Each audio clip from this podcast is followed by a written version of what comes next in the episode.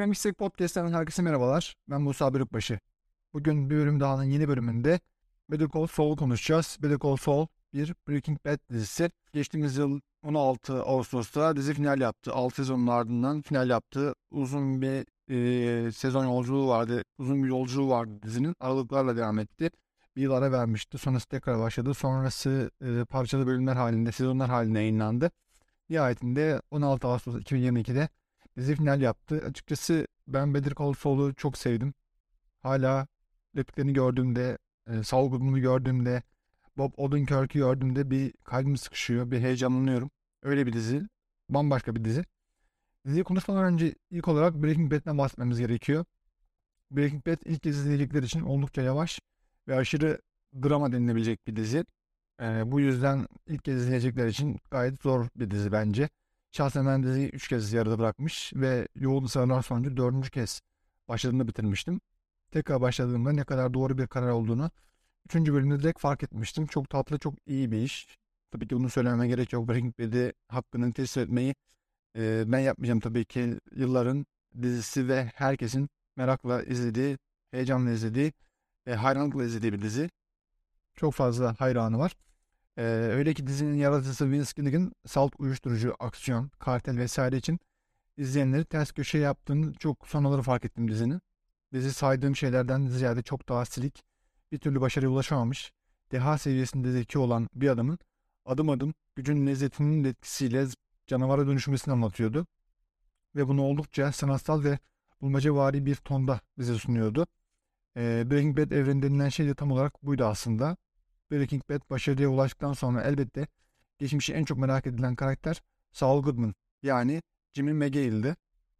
Her türlü hukuksuz işi hukuka uygun hale getiren ve sürekli sistemin açığını arayan bu yozlaşmış paragöz adamın nasıl olmuş da bu hale gelmişti. Bu çok merak konusuydu. Vince Gilligan uzun süre e, bunun spin-off'unu yapmak ve yapmamak arasında kalmıştı.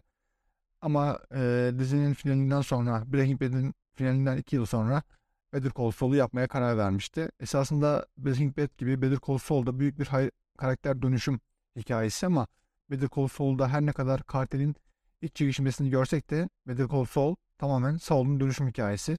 Tipik bir kahramanın yolculuğu gibi türlü engeller sonucu derisi kalınlaşan ve olaylara hissizleşen Jimmy artık kendini Saul Goodman olarak tanımlıyor ki bu isim sokaklarda insanları dolandırırken kullandığı alelade bir isim. Yani çok da üzerine düşünmeden insanları dolandırırken kendine bulduğu bir nickname aslında bu.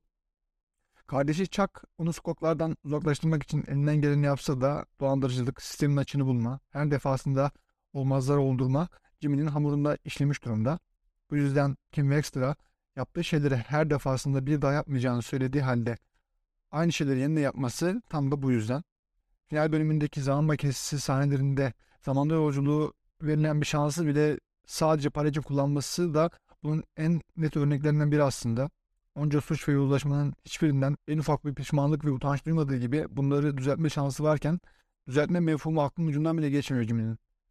Her yerde, her koşulda aklından geçen tek şey doymak bilmediği para.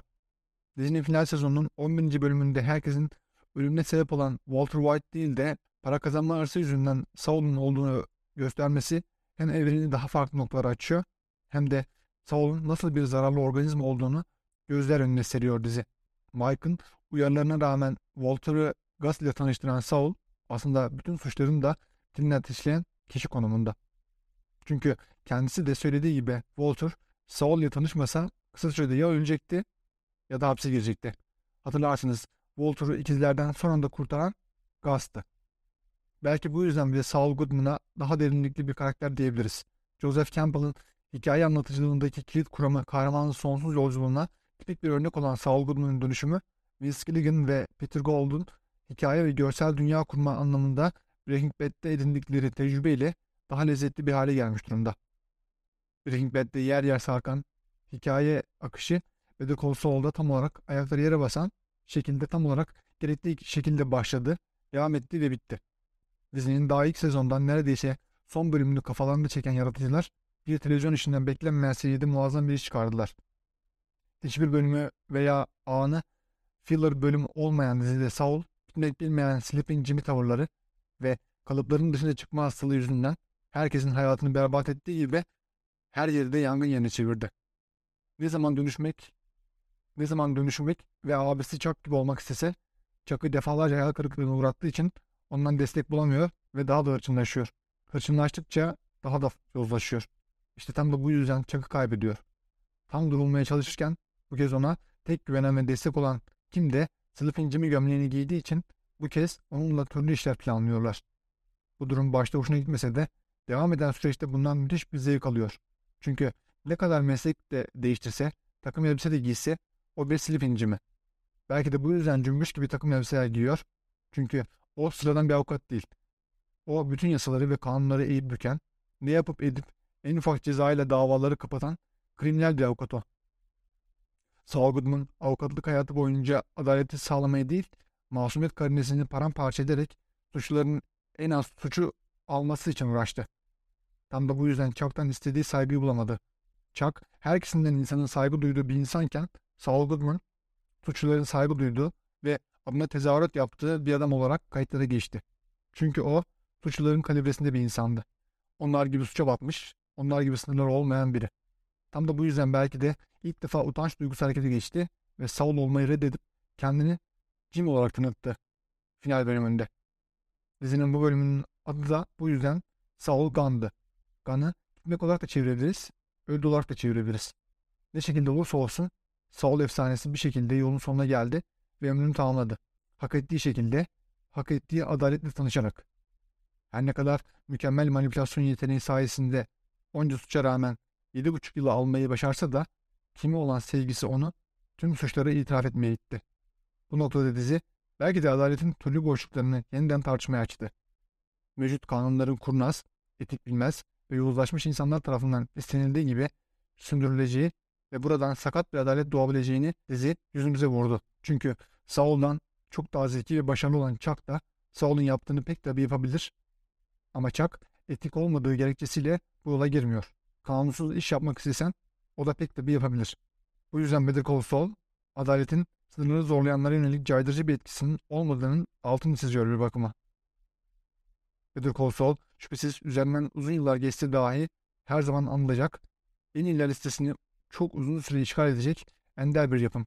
Artık popüler kültür olma yolunda ilerleyen Breaking Bad'den sonra öve öve bitiremeyeceğimiz yeni bir dizi olan Better Call Saul, hikaye anlatıcılığı, atmosferi, renk paleti, kurgu geçişleri, çerçeveleri, oyunculukları, müzikleri ve daha sayılamayacak pek çok detayıyla sabaha kadar övülebilir.